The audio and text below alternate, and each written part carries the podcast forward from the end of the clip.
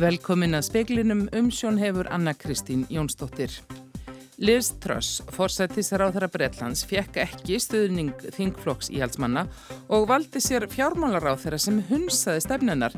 Fallið má því rekja til þessa að mati alþjóða stjórnmálafræðings.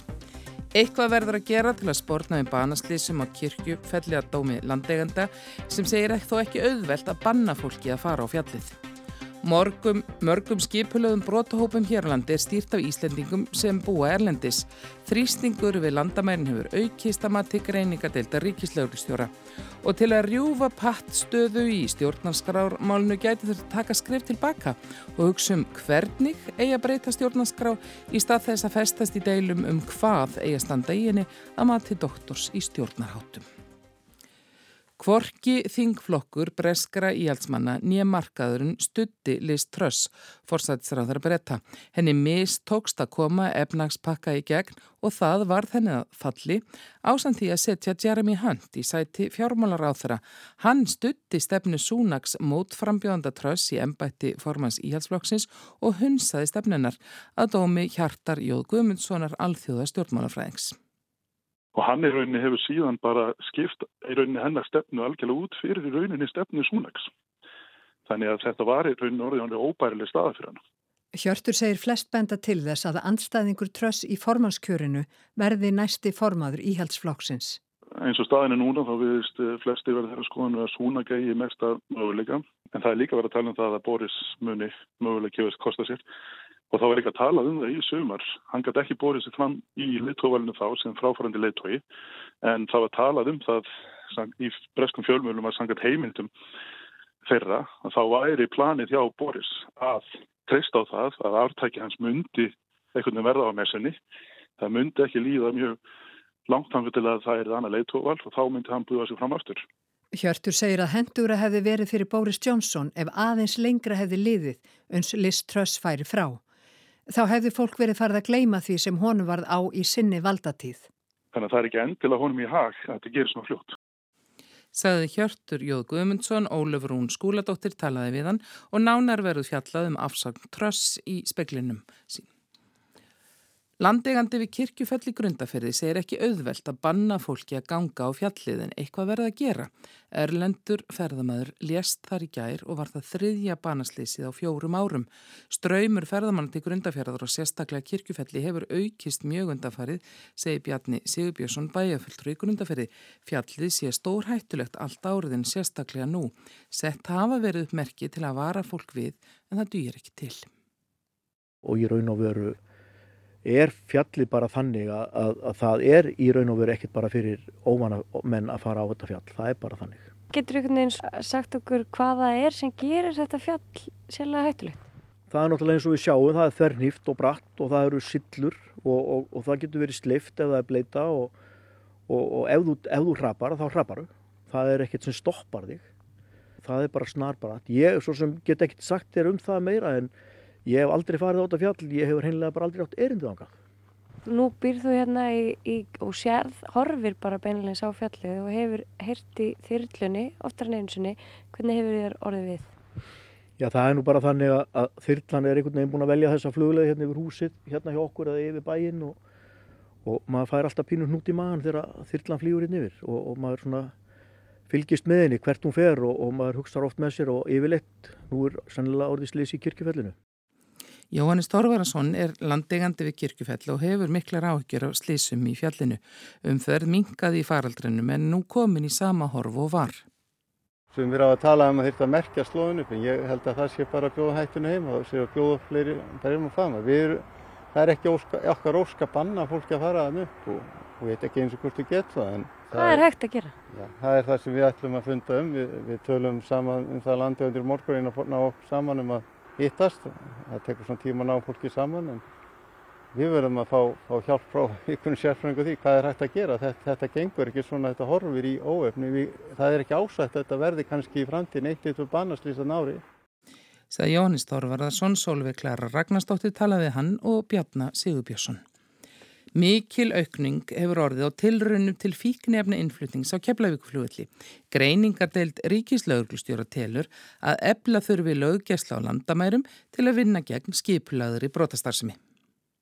Þetta er á meðal þess sem kemur fram í árlegu stöðumati greiningadeildar embættis ríkislauglustjóra á skipulagðri glæpastarsemi. Í matinu kemur fram að skipulagð brotastarsemi á Íslandi sé umfangsmikil og alþjóðleg í eðli sínu og að í mörgum tilfellum sé brotahópum stýrt af íslenskum aðilum sem eru búsettir Erlendis. Málinn sem rata til ríkislauglustjóra eru sögð fjölbreytt og oft eru aðstæður einstaklingra í viðkvæmri stöðu nýttar til dæmis til fíknefnasmygls og mannsals. Þá kemur fram að vinna þurfi frekari greiningu á stöðu umsækjanda um alþjóðlega vernd þá sérstaklega flóta fólks frá Úkrænu.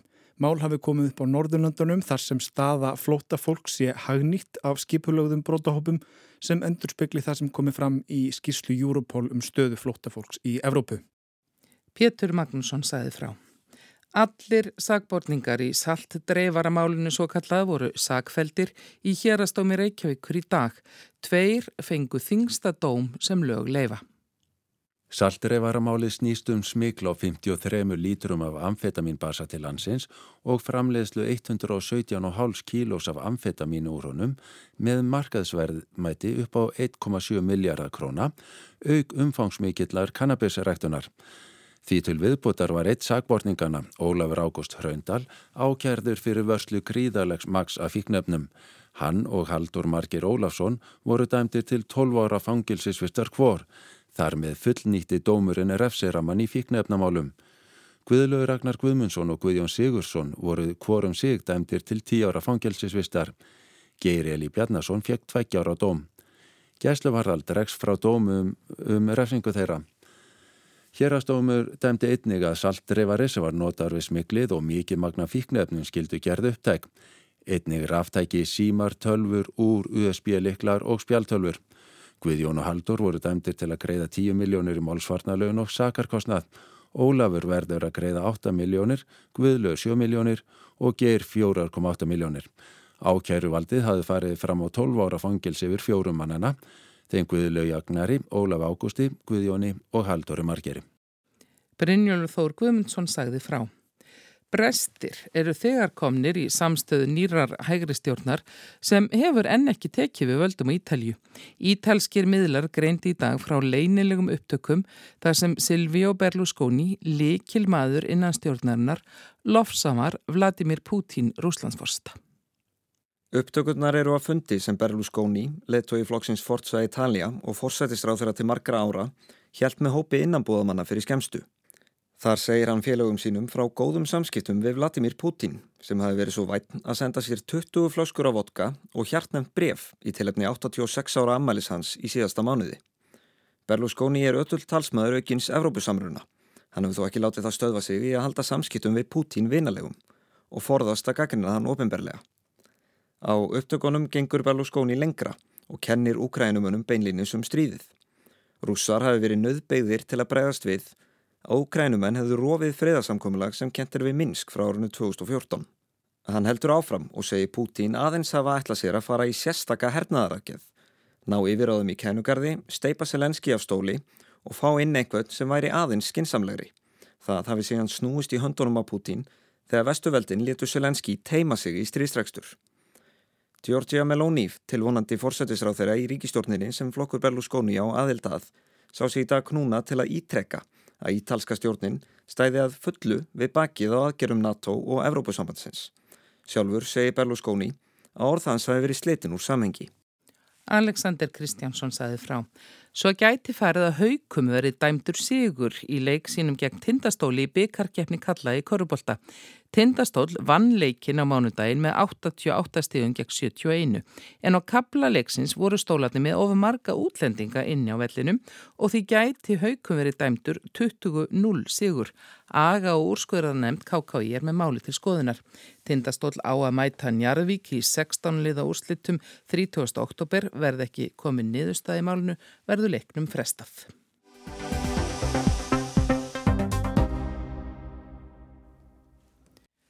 Snarpir pólitískir vindar hafa blásið í Breitlandi síðustu vikur og mánuði segja má að þeir hafi náð styrk fellibils í dag þegar Liz Truss fórsættstráð þeirra tilkynnti afsögn í beitni sjónvarsútsendingu í hádeginu. Ásker Tómasson hefur fylst með nýjustu tíðendum á breska stjórnarheimilinu. Það virtist ekkert fararsnið á list tröss þegar hún mætti á fundinæðri málstofu Breska Þingsins í gær til að svara spurningum þingmanna. Kýr Starmer, leittói stjórnaranstöðunar, notaði tækifærið og leta hann að fá það óþvegið. Hann sagðist hafa hirt utan að sér að verið værið að skrifa bók um veru tröss í forsætisráðunetinu. A book is being written about the Prime Minister's time in office. Apparently it's going to be out by Christmas. Is that the release date or the title? Út fyrir jól, sagði Starmer, Er það útgáfudagurinn eða titillinn? Það fauki Liz Truss sem svaraði samstundis, ég er baróttukona, ég gugna ekki. Þessi orðaskipti urðu síðdeis í gær. Engvar staðar segir að vika sé langur tími í pólitík en einn sólaringur getur verið það líka. Það sannaðist þegar Liz Truss flutti ávarp í beitndi sjónvarpsútsendingu klukkan hálf tvö í dag að bröskum tíma eftir að Graham Brady, formaður félags almennra þingmanna í neðri málstofunni og Terence Coffey, aðstóðar forsættisráð þeirra höfðu komið til fundar við hana í dáningsstræti 10 baktir að meginn. Tröss sagði að félagari í halsfloknum hefðu valið hana til að vinna á efnahagserfileikonum sem brettar glíma við um þessar mundir. Hún gæti hins vegar ekki náð fram stefnumálum sínum eins og vindar blésu nú. Hún hefði því tilkynnt Karli Konungi að hún ætlaði að segja af sér sem leiðtói í haldflokksins. I have therefore spoken to His Majesty the King to notify him that I am resigning as leader of the Conservative Party. Tröðs bætti við að hún yrði áframleið tói flokksins og þar með forsætisráð þeirra þar til arftæki hennar er fundin. Þegar efnahagsrástafanir stjórnarinnar voru kynntar í síðasta mánuði letu þar til snarprar dífu á fjármálamarkaði með gengisfalli sterlingspunsins og hækkandi lántökukostnaði svo nokkuð sé nefnt. Englandsbanki varaði við alvarlegum afleiðingum ef áallanir stjórnarinnar erðu að veruleika og tók að kaupa ríkiskuldabref til að bjarga nokkrum líferisjóðum frá gjaldþróti. Alþjóða gjaldirisjóðurinn varaði einnig við afleiðingum efnagsstöfnunar. Afsagn tröss í dag leti til þess að gengi sterlingspundsins hækkaði nær samstundi sem 1% gagvar dólar. Futsi vísitalan hækkaði Lántökukostnaður lækkaði og sömulegðis ávöxtunar krafa ríkiskuldabrefa við eh, þessi tíðindi. Sérfræðingar á fjármálamarkaði var að þó við bjart síni þar sem mikil óvisa ríki í breskum fjármála heimi. Þar með er orðið ljóst að bresku forsætisráþurarnir verða þrýr á þessu ári að minnstakosti eins og einn stjórnmálaskýrandin orðaði það. Valdatímilis Tröss var 44 dagar, rétt rúmar 6 vikur og þar með sá langstist í sögu Bretlands. Leitað næsta leiðtóa í haldsflokksins er þegar hafinn. Hún á að taka mun stittri tíma en þegar Liz Tröss var valin í sumar. Líkast til verður sá nýji komin í leitirnar á förstu dagi næstu viku að þver heimildir innan flokksins herma. Í veðböngum er þegar farið að veðja um hverju verði arftæki Tröss. Rísi Súnak, fyrirverandi fjármólar á þeirra í stjórnartíð Borisar Jónsons, þykir líklegastur með 34%. 18% hafa mest að trú á eh, Penny Mordaunt, leið tóa neðri málstofunar og fyrirverandi varnarmálar á þeirra. 9% veðja á eh, Ben Volas, eh, núverandi varnarmálar á þeirra og 7% vilja að Boris Johnson snúi aftur í leittóasætið. Í breskum fjölummiðlum er því spáði í dag að Penny Mordaunt gefi kost á sér í leðtóakjörið, einnig Brandon Lewis, dómsmálar á þeirra og Kemi Beitinokk á þeirra alþjóðaviðskipta og rísandi stjarnar í flokknum. Í Daily Telegraph og Times er fullirt að Boris Johnson ætli að hella sér í slægin. Slagurinn sá verður stuttur og snarpur ef ætlunin er að finna nýjan leðtoga á rúmlega einni viku. Fyrir tíu árum var haldinn þjóðaratkvæðagreisla um tillögur stjórnlagaráðs. Seks spurningar voru borðnar upp og spurt hvort tillögurnar ætti að vera nýri stjórnarskrá til grundvallar, hvort í stjórnarskrá ætti að lýsa náttúröðlindir þjóðaregn, hvort það ætti að vera ákveðum þjóðkirkju, hvort heimil ætti personukjör til alþingis í meira mæli, hvort það ætti að vera ákveðum jamtvægi atkvæða og um að tilteki hlutfall kostningabæra manna gæti krafist þjóðaratkvæðagreyslu. Þessum spurningum átt að svara með jái eða neigi og meiri hluti játæði þeim öllum, þótt atkvæðin væri mismörg. Flestir sögðu já við spurningunni um náttúröðlindir, tæpastur var meiri hlutin í spurningunni um þjóðkirkjuna og kostningaþáttaka í heldina var um 49%. Ekkert var þó af því að þessa tillögur skiluð sér inn í stjórnarskrá og síðan hefur mikið vatn runni til sjávar. Í fyrra vor var ljóstað frumvarp Katrínar Jakobsdóttur um afmarkaða breytingar á stjórnarskrá sem lutu meðal annars það framkvæmdavaldinu, umhverfisvernd, náttúröðlendum, íslenskri tungu og forseta Íslands kæmist ekki til efnislegar meðferðar á þingi. Katrín lagði frumvarpið fram einn þegar ljóst var orðið ekki næðist um það sátt og formen stjórnmálflokkana höfðu þá átt 25 fundi um breytingar á stjórnarskrá. Þrís var hafa forsætisráð þeirra lagt fram stjórnarskrár frumvarp í eigin nafni, ekkert náð fram að ganga og um hundrað sinnum hafa þingmenn lagt fram frumvörp um stjórnarskrár breytingar. Fyrir síðasta kjörtímbil Ólafs Ragnars Grímssonar, fórseta Íslands, þegar margir byggust við að hann byði sig ekki fyrir maður nýju, gaf hann kost á sér því að staða fórseta væri ekki skýr í stjórnarskráni og tryggja þyrti festu. Staðan er óbreytt. Umræðinu breytingar hefur oftar en ekki snúist um tilugurnar sem lagðar voru fram fyrir tíu árum. Spurningin hvar er nýja stjórnarskráin verið ábyrjand á göttum og veggjum og jafnvel verið sungin. En er þetta allt í pattstöðu og er hægt að tala um nýja stjórnarskrá tíu árum eftir að tilugurnar eruðu til?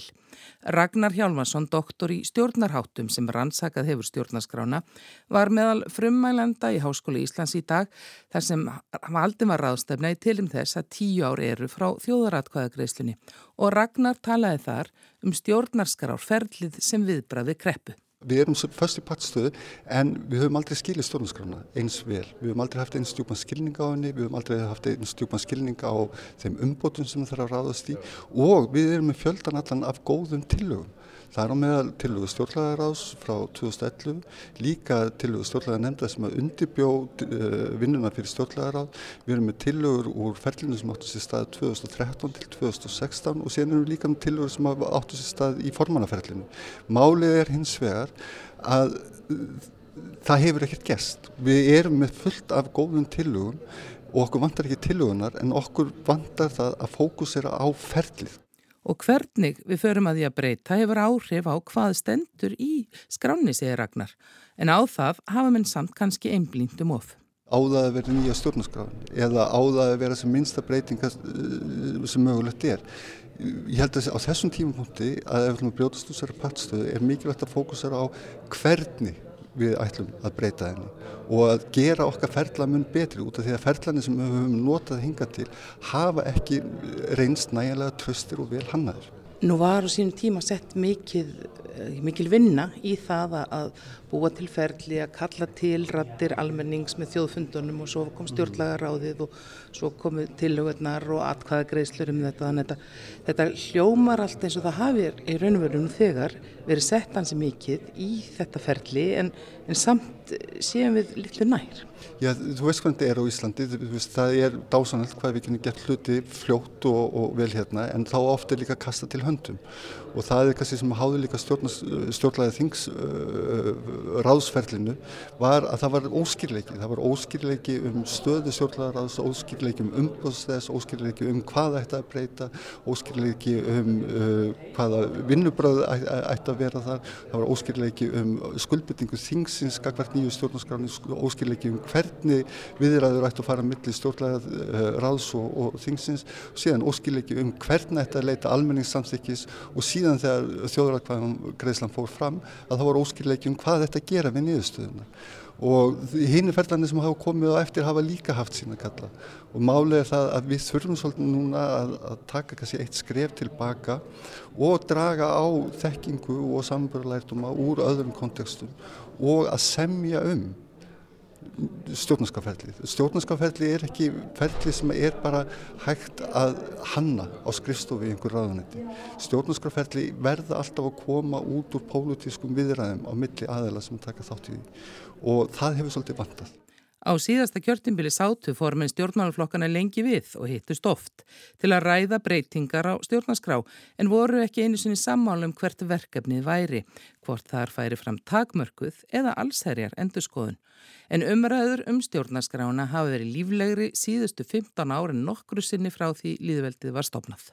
Við vitum og við skiljum stjórnarskrana mun betur heldur við nokk tíma gert áður og einstakar greinar hennar. Og við vitum hvaða breytinga er þörf sem fyrst. Og það sem sorglega er, er einhvern veginn að, að, að það vantar óljuna einhvern veginn hvernig við færumst frá einu stíi yfir á annan, hvernig tekstin fer frá samráði og úr, úr, úr samningaviðræðum og síðan þegar hann fer inn í þingið, það, það vantar þess að ólju á milli hérna mismunandi fasa sem að ferlið er og það hefur háð okkur hinga til. Þú segir við vitum hvað er brínast, hvað telur þú brínast? Ég menn það er bara hluti svona eins og staða alþjóðlega samninga og, og ákvæðið um landstóm og þess að þetta eru atriðið sem er frekar auðvelt að, að kljáfa út um. Og síðan kannski fyrir almenning, þegar almenningur hugsaður um stjórnarskrona og breytingu stjórnarskrona þá er það döðlindalkvæðið sem er kannski efst í huga fólks. Ég held að það væri mjög gott ef að íslenski stjórnmálmenn gætu reynd að ná almennilega nýðustuðu í þetta mál og þetta tengir líka á mjög svona mál sem hafa klófið þjóðina mjög lengi og þetta kemur alltaf upp reglulega og þó að við tökum ekki eftir því að þá er líka kostnaður við það að halda stjórnarskráni í þessu ástandi sem hún er.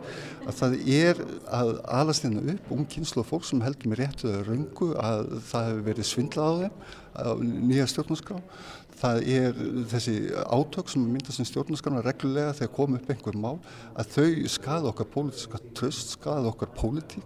Og það eru hluti sem við bara verðum að klára. Og, og þetta er í Íslandu, við erum ekki eins og önnu samfélag þar sem er fundamental ágreiningur um einhver grunngildi, við erum sammála um flest okkar grunngildi. Við erum ekki með einhverja sjálfsmyndar pólitík hérna eða klófið samfélag, við eigum að geta gert þetta og við eigum bara að gera þetta aðeins betur heldur en við höfum verið að reyna. Við stöndum hérna tíu ár frá þessari vörðu, heldur að við verðum í sögum spórum eftir tíu ár. Stjórnarskrámálið er mál sem að hleypur ekkert frá stjórnmálunum. Og þó að breytinga verði ekki tíð þessar ríkistjórnar að, og kannski ekki á næsta kjörtumbili að þá er það bara barnan okkar til að sjá um það. Og við, það er ekki þetta að hlaupa frá ákvörðunni núna, ætlum við okkar kynslu að gera þetta eða ætlum við að, að láta krakkarna gera þetta? En ég held að þau hafi nóga sinu konu. Sagði Hjálmar Ragnarsson.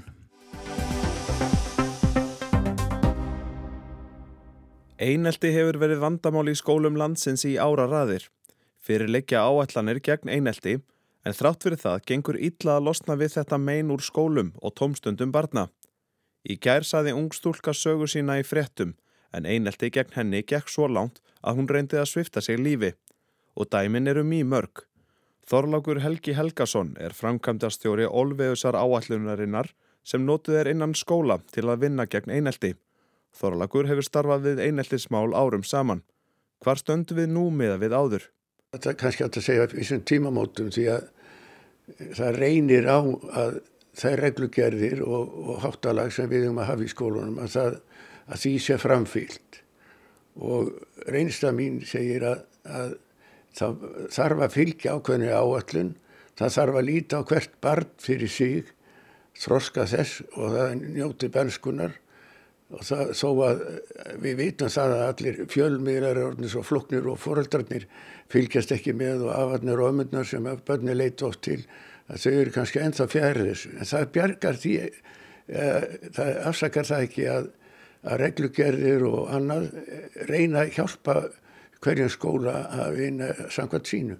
Og ég er alveg fullvísum það á þeim 20 árum sem við höfum verið með olveisar átluna þá hefur ekki, hún ekki komið í, í vegfyrir neinskonar þróunar starf heldur miklu frekar það að ef einelti kemur upp þá ber skólunum að leggja í rauninni allt annað til hlýðar og leysa, reyna, gera allt sem ég geta leggja upp eineltis áallun og þá með skólasamfélagin og við getum séð það að ef að foreldrarnir hafa sjálfur lendi ykkur erfiðu þá finnst þeim erfitt að eiga við þetta. Og það er það sem er svolítið þessar ásakanir sem koma kannski á víksl að skólunum finnst foreldrarni ger ekki það segja að gera og foreldrarni finnst að skólanir hýrði ekki nógu vel um hvert einasta barn. En staðrindin er svo að þrátt fyrir það að vera vinna í þessu alltaf að þá erum á að segja að, að það sé eitt barn í hverjum bekk sem líður fyrir það að því líði ekki nógu vel og þess vegna þarf að taka þetta bæði sem einstaklisbundið en líka sem skóla samfélagið sem á að mynda heldina með foröldrunum og kennunum og öðru starfsfólki og það eru skólanir eru að leggja sér fram. Þorlakur segir að einelti meðal stúlkna hafi fæst í aukana senustu ár. Fyrir því geti verið ymsar ástæður. Einn tilgáttan er svo að stúlkur taki meiri ábyrð á áföllum eins og til að mynda minni tekjum foreldra vegna efnahagstrenginga. Það kvíla skildur jamt á skólum, nefndum og foreldrum í reglugerðum gagvart hag barna. Skólum ber einnig að hafa aðgerrar áallun gegn einelti. Hefur verið sínt fram á það að þessar áallunar að þær skilja ánangri? Er eitthvað hægt að mæla það? Já, það er hægt að mæla það þeirri merkingu að, að við vitum að skóli sem býr kannski við erfiðar aðstæður, ég ætla ekki að fara að nefna nýra skóla en það er misjamt ef við tökum um í Reykjavík, þá eru kannski 95% af foreldurum í ákvæmnu skólum sem hafa háskólapróf en svo kíkjur á eitt annan skóla sem er í, líka í sömu könnun eða sömu eineltis áallun og þá er það börnin sem að verða meir og minna hugsun um sjálfan sig kannski longað úr deginum og koma þreytt í skóla, koma með samvisku að því að foreldrunum þeirra líður ekki nú vel. Þetta eru bara staðrindirni sem eru Ísland í dag og við þurfum að taka það sem slíkt en við höfum ekki að byrja því að segja að það, það, hefst, hef, það hefst ekkert með því að, að taka hvern og eitt því að það er svo flókið samfélagið. Það er engin afsökun í því því að samfélagi ekki flóknar en það að sumum líður illa og sumum líður ekki illa í samfélaginu og sumir ná árangri og sumir kennarar ná árangri en aðrir er að baksa við eh, kannski erfiðar en námsópa.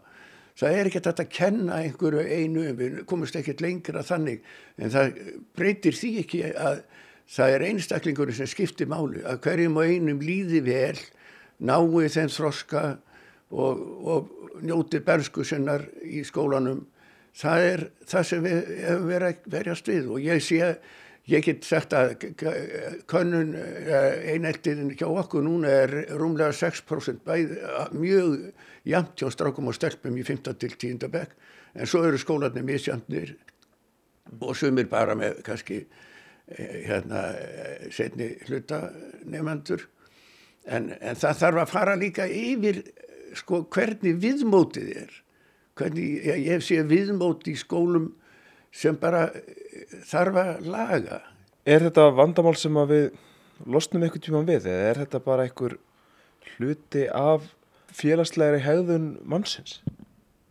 Það er náttúrulega að vita að börn reyna, láta á reyna hvað, hvað komast langt. Það, það er það, barn sem er leggja í einelti, það getur líka verið sjálft verið að leggja það í einelti er að berjast við það en ég held að það sé hægt að það er að, eins og ég segi, það er að vera með þessa heildasín og, og ná því niður á hvern kannski stig. Ég hef komið í skóla þar sem að kannski fjórða og fymtabekk var lítið einelti en, en, en öðru stigum var næstu bær, næsta bæ við var meira einelti og þá spurði ég hvað er verið að kenna þessum börnum? Það er fullt af svona atriðum börn sem eru í bekk sem eru kannski meiri óró eða erfiðar að eiga við eins og það er skilgrind þau kannski þurfa að vera meira útaf fyrir sig í skólanum. Og það, þess vegna þarf líka hanna skóla með tilliti til þess. Þetta er fullt en við, við höfum búin að ná við höfum svo gríðarlegar upplýsingar í gegnum einheltisáallunna og álöfsaráallunna að ég hef ekki áhugir að því að sé við þurfum að setja mörkin en við þurfum líka að virða mörkin, að við höfum að virða mörkin og við höfum að sjá til þess, við höfum, við höfum náð eineltinu mjög langt niður og við höfum geta sagt hvað það var sem skipti mestu máli og það, það er þessi reynsla sem við búum við, sem við þurfum að, að láta smitast lengra og, og víðar og það vona ég að verða að gera núna. Saði Þorlakur Helgason, Bjarni Rúnarsson talaði við hann. Veðurhorfur, það verður hæg austlæg átt, bjart með köplum og myllt veður en þyknar upp fyrir norðan. Norðlægari og smá skúrir eða jél á morgun en bjart suðvestan til kólinar heldur fyrir norðan. Fleiri er ekki í speklinum í kvöld, tæknimaður var Mark Eldred, valgeru Þorstinsdóttir stjórnaði útsendingunni, verið sæl.